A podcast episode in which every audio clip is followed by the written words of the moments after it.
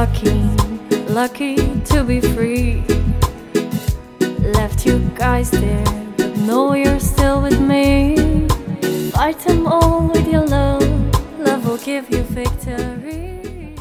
Welkom bij weer een nieuwe aflevering van Jasmin schrijft luid op de podcast. In deze aflevering, zoals de titel het al zegt, wil ik het hebben met jullie over hoe gaat je toch door met wat je wilt of met je dromen of iets wat je verlangt, zonder dat je per se steun krijgt van familie of vrienden. Eigenlijk zou ik hier een boek over moeten schrijven in plaats van een podcast over opnemen, omdat ik daar echt zoveel over te vertellen heb en ook zoveel ervaring mee heb. Maar ik ga het dus in deze podcast proberen te gieten. Ik heb hierover ook al meerdere keren vragen gekregen van mensen uh, op Instagram of privéberichtjes van mensen op Facebook. Niet echt vragen, maar die zeggen dan meestal van uh, ja, maar ik kan dit of dat niet doen, want mijn partner wil dat niet, steunt mij niet. Of mijn moeder wil dat ik la la la doe en mijn vader wil het zus en zo, dus laat maar. En ik zal u nu al zeggen dat er niemand wil voor u wat dat jij wilt voor uzelf. Dus als je één enkeling hebt dat u steunt in wat dat jij wilt, dan mocht je uzelf echt al heel gelukkig prijzen. Maar het is dus echt perfect normaal dat niemand u steunt als je een verlangen hebt, een droom of iets dat je wilt realiseren En dat je daar dus ja, uh, commentaar op krijgt. Ik had toen ik juist aan mijn allereerste boek begon te schrijven, had ik echt niemand die mij steunde, maar dan ook echt niemand. En ik zei mijn job op, ik zei mijn appartement op en ik boekte mij een ticket naar Lanzarote, hals over kop. Dat was echt de dag van tevoren boeken en de volgende dag zat ik op het vliegtuig. Dus zo hals over kop was het. En mijn appartement was opgezegd, maar ik moest daar nog iemand nieuw voor zoeken. Ik raad u niet aan dat je het zo hals over kop doet. Ehm, als je van plan bent om te vertrekken tenminste. Maar dus, je kunt je voorstellen waarom mensen dachten, oh my god, ehm, waar is die mee bezig? Of dat ze hele rare dingen tegen mij zeiden. Mijn vader zei bijvoorbeeld, alle liefde voor mijn vader trouwens, ehm, die zei, ja, de vriendin van uw moeder ging ooit ook een boek schrijven. En toen is ze maanden van de radar verdwenen en toen kwam ze terug en toen zei ze dat het niet lukte. Dus, nu gaat je juist hetzelfde doen. Waar bent je toch mee bezig? Dat waren letterlijk zijn woorden, want ik heb die opgeschreven omdat ik met die geschreven woorden dan aan de slag kon. En dat heb ik zo bij iedereen dat iets te zeggen had, heb ik die woorden opgeschreven om daar achteraf een weerwoord op te kunnen verzinnen. Ik had bijvoorbeeld mijn allerbeste vriendin, die toen tegen mij zei: Ja, maar als jij een boek gaat schrijven, wil ik dat je eerst fatsoenlijk met iemand gaat praten die dat ook al een boek heeft geschreven om te weten hoe dat dan moet. En wauw, ik, mijn ogen zijn echt zo open gegaan van alles wat dat er tegen mij werd gezegd. Want wat zit daar eigenlijk achter? Enkel goede bedoelingen van mensen die dat bang zijn. Dat zijn allemaal bange mensen die dat zeggen. Die houden zoveel van u dat die willen dat het goed komt, dat dat niet faalt, uw verlangen of wat jij wilt. Dus uit bescherming gaan u proberen tegenhouden en proberen in uw comfortzone eigenlijk te houden, zonder dat dat u eigenlijk dient. En jij moet hun ervan overtuigen dat jij dat kunt, ook al zegt uw eigen hoofd misschien, oh, ze hebben gelijk, want uw ego komt daar natuurlijk ook intussen en die zegt ook, oei nee, inderdaad, wat als het echt niet lukt, Of wat als ik net als die vriendin als mijn moeder word? Of ehm, wat als ik opeens niet meer weet wat ik moet schrijven? Misschien moet ik inderdaad met iemand gaan praten. Of dan zei er nog iemand, ja maar wat als het niet lukt? Wat als dat boek niet afgeraakt? Of wat als je geen uitgeverij vindt? Dan zit je daar met je boek. En zo heb ik echt een heel lijstje gekregen. Maar ik heb, heel belangrijk, en daar kan ik u nu ook mee verder helpen, mijzelf na een paar van die opmerkingen voorbereid. Dus wat heb ik gedaan? Ik heb een hele dag heb ik daarvoor uitgetrokken. En dat kan eigenlijk even hoe, moest je nu van maandag tot vrijdag werken, kunt je even een hele zondag daarvoor inplannen. Heb ik mijzelf alleen met mezelf, met een papier en een stilo, aan de keukentafel gezet en bedacht, nu ga ik alle soorten opmerkingen dat mensen mij kunnen geven over het feit dat ik een boek ga schrijven, die ga ik opschrijven. Eender wat dat je kunt bedenken dat mensen kunnen bedenken op het feit dat jij je verlangen nagaat, of je droom of iets dat je graag zou willen. Zo had ik bijvoorbeeld, ik ga dat nu toepassen op een boek, maar je kunt dat eigenlijk toepassen op eender welk verlangen dat je hebt. Zo had ik dan bijvoorbeeld die opmerking van mijn vader daarop geschreven en had ik daaronder bedacht wat ik eigenlijk tegen hem had moeten zeggen. En dan uh, was er een soort, ja, het antwoord was denk ik, ja, maar ik ben niet zoals die vriendin van mijn moeder. Het heeft geen nut om mensen met andere mensen te vergelijken, want iedereen bewandelt zijn eigen pad.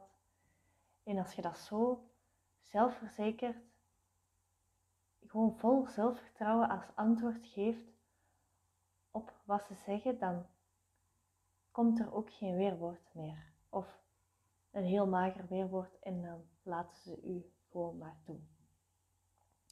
En zoals die andere, ehm, wat als je geen uitgeverij vindt, dan kun je zeggen, dan zoek ik manieren zodat ik toch een uitgeverij vind.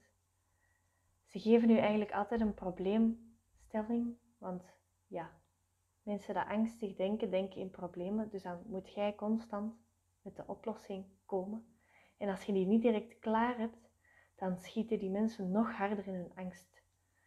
Dus je kunt die proberen gerust te stellen, waardoor dat je jezelf eigenlijk ook gerust stelt. Want wij hebben ook allemaal die angstige stem in ons. En als er iemand op zo'n angstige toon tegen u praat, wordt die stem in u sowieso getriggerd en gaat je daar misschien in meegaan. En dan gaat je verlangen of je droom of wat dat je wilt eigenlijk zelf saboteren.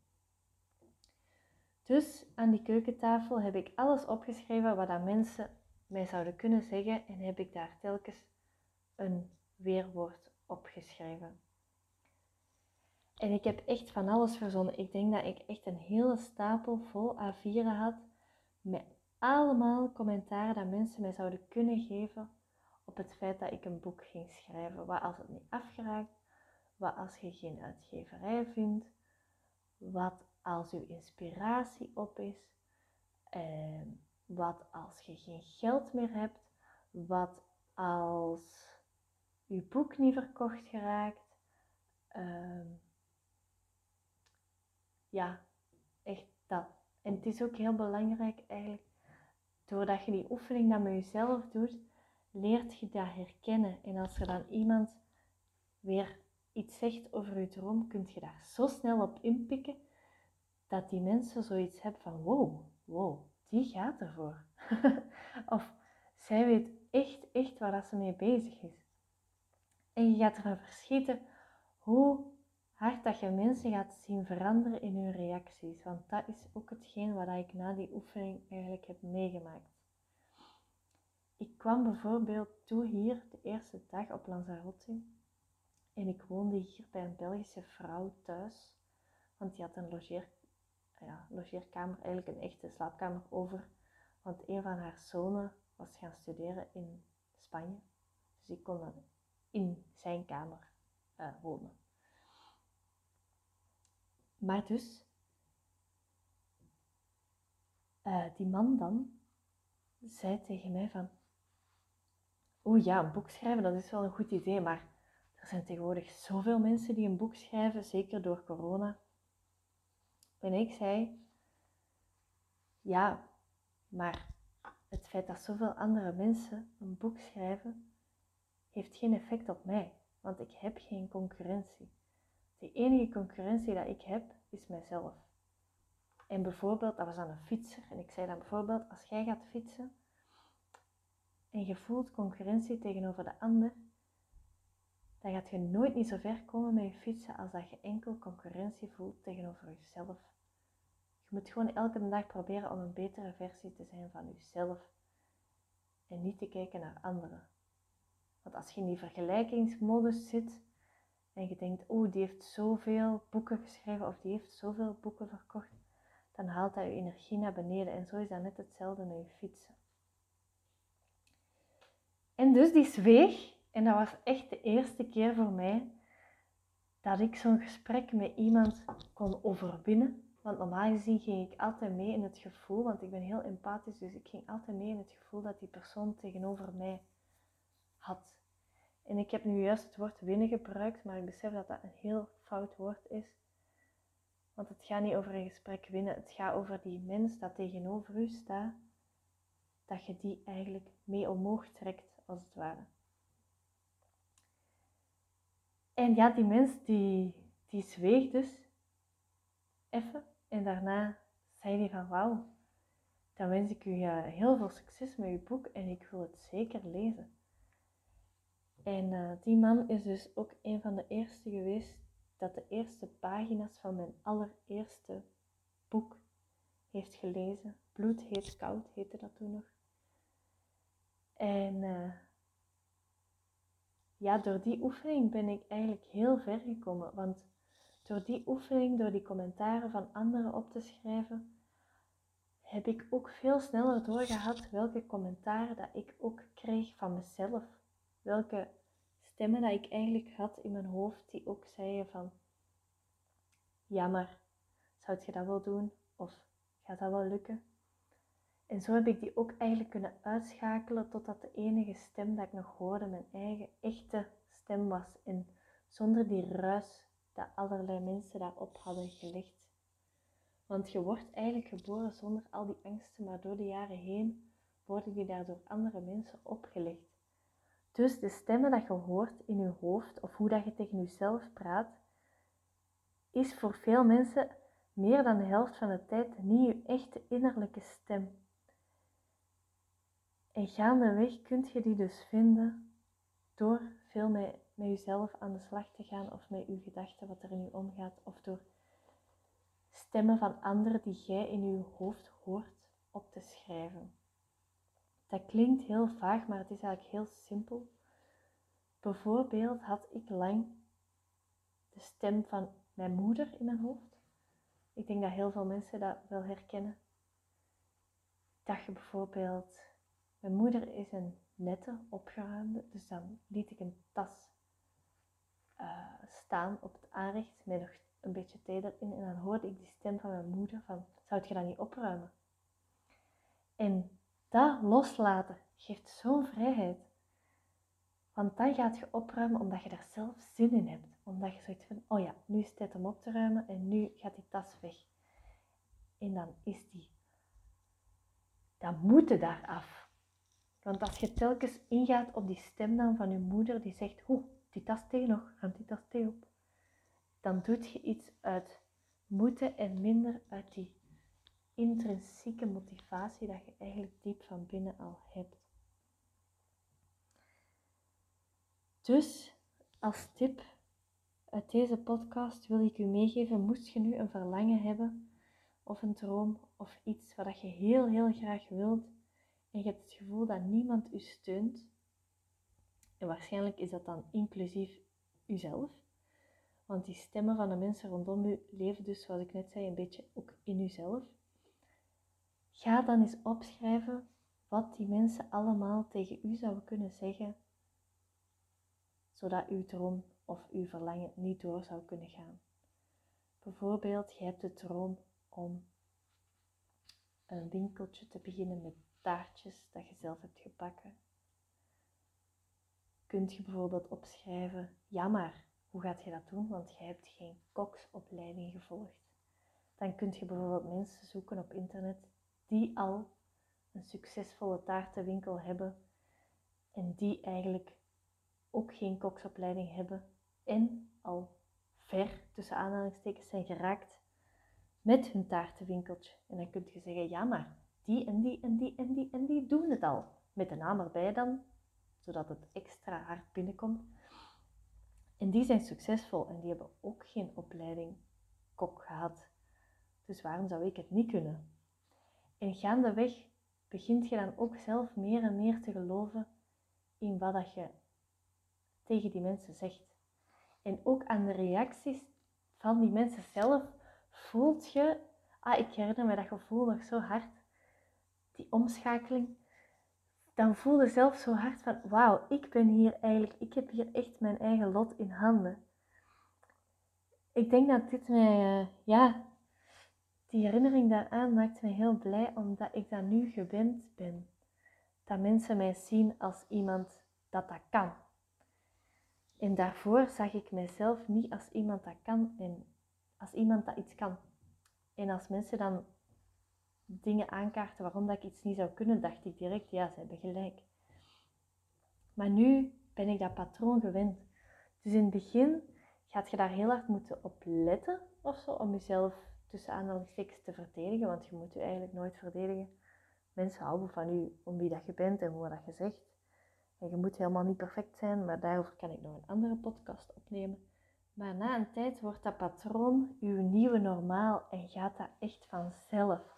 En vanaf als je daarin zit, oh jongens, dan heb je zo'n vrijheid en dan heb je eigenlijk je zelfvertrouwen dat je als klein kind spontaan van nature uit had, heb je dat teruggewonnen. Want ik zie dat nu ook bij mijn dochter, bij kleine kinderen, bij eender wie, die houden echt compleet van zichzelf. Als die een spiegel ziet, dan begint hij zichzelf te kussen en zo. En als hij iets wilt, dan heb ik het ook geweten. Dus die hebben dat zelfvertrouwen dat wij soms gaandeweg verliezen. Ik zeg niet dat iedereen dat verliest. Ik denk ook dat er veel te maken heeft met hoe dat je bent opgegroeid en met wie dat je doorheen de jaren bent omgegaan, speelt zeker ook een rol. En genetisch zal er ook wel wat meespelen. Maar uh, alles kun je dus veranderen.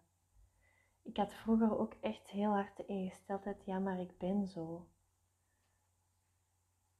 En terug niks slecht over niemand, maar ik kreeg dat ook vaak te horen van mijn omgeving.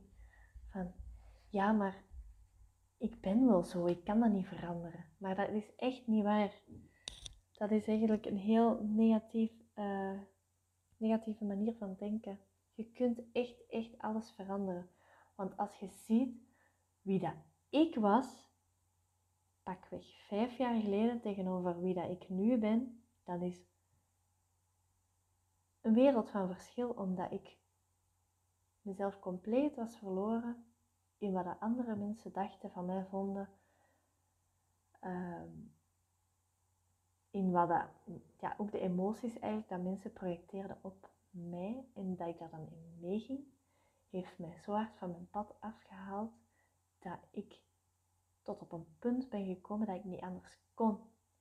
Ik kon gewoon niet anders meer dan alles aanpakken wat er in mijn hoofd omging. En dat hoop ik dat nog heel veel mensen gaan doen, want ik gun u echt dat gevoel van vrijheid, dat je dat ineens terugkrijgt. Ah, want de vrijheid zit niet in een vliegtuig nemen, hals over kop naar Lanzarote. En ik kan het weten, want ik ben zelf een schoolvoorbeeld daarvan. Je neemt die stemmen van eender wie dat je nog in je hoofd hebt, die neemt je mee naar ja, in mijn geval dan Lanzarote. Alles gaat met u mee, altijd waar dat je ook bent. En dus, als je die innerlijke wereld dan verandert, dan verandert je uw buitenwereld ook voor altijd. Je kunt nog naar Thailand gaan, Australië, weet ik veel waar. En dat kan heel veel deugd doen om even uit je vertrouwde omgeving te zijn. Want dan zijn die stemmen misschien even wat minder. Maar ik verzeker u, als je terugkomt, ja, zijn die stemmen er weer. Dus je moet echt, is mijn gouden tip, met jezelf en de stemmen dat in je hoofd nog tegen jezelf praten, even aan de slag. En dat kost u maar één dag, want dat heeft mij letterlijk één dag gekost, om dat zaadje eigenlijk te planten. En dat, oké, je bent er daarna nog mee bezig, maar niet meer zo intensief als in één dag. Dus mijn tip, ga één dag, één dag uit je hele leven, hè. Je hebt keihard dagen in je leven, dus dat is echt niet zo lang. Ga één dag met jezelf zitten aan de keukentafel. De living mag ook prima. Met een pen en schrijf gewoon eens op wat dat mensen allemaal tegen u zouden kunnen zeggen om uw dromen of uw verlangens of iets wat je graag wilt tegen te houden en ga daar dan allemaal antwoorden op bedenken. Zodat als je die mensen tegenkomt en als er een van die opmerkingen naar boven komt, dat je direct het weerwoord hebt.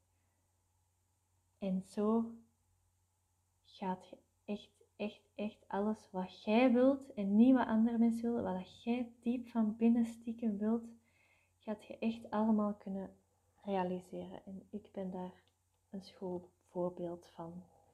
En ik ben helemaal niemand speciaal. Ik ben ook maar gewoon een meisje uit de boerenkempen dat een boek wou schrijven. Ik hoop heel erg dat ik iemand geïnspireerd heb met deze podcast en laat het mij vooral weten, moest het zo zijn. Ik vind het altijd heel leuk om een berichtje te krijgen. En dan zie ik jullie, nee, zie niet, dan hoor ik jullie volgende week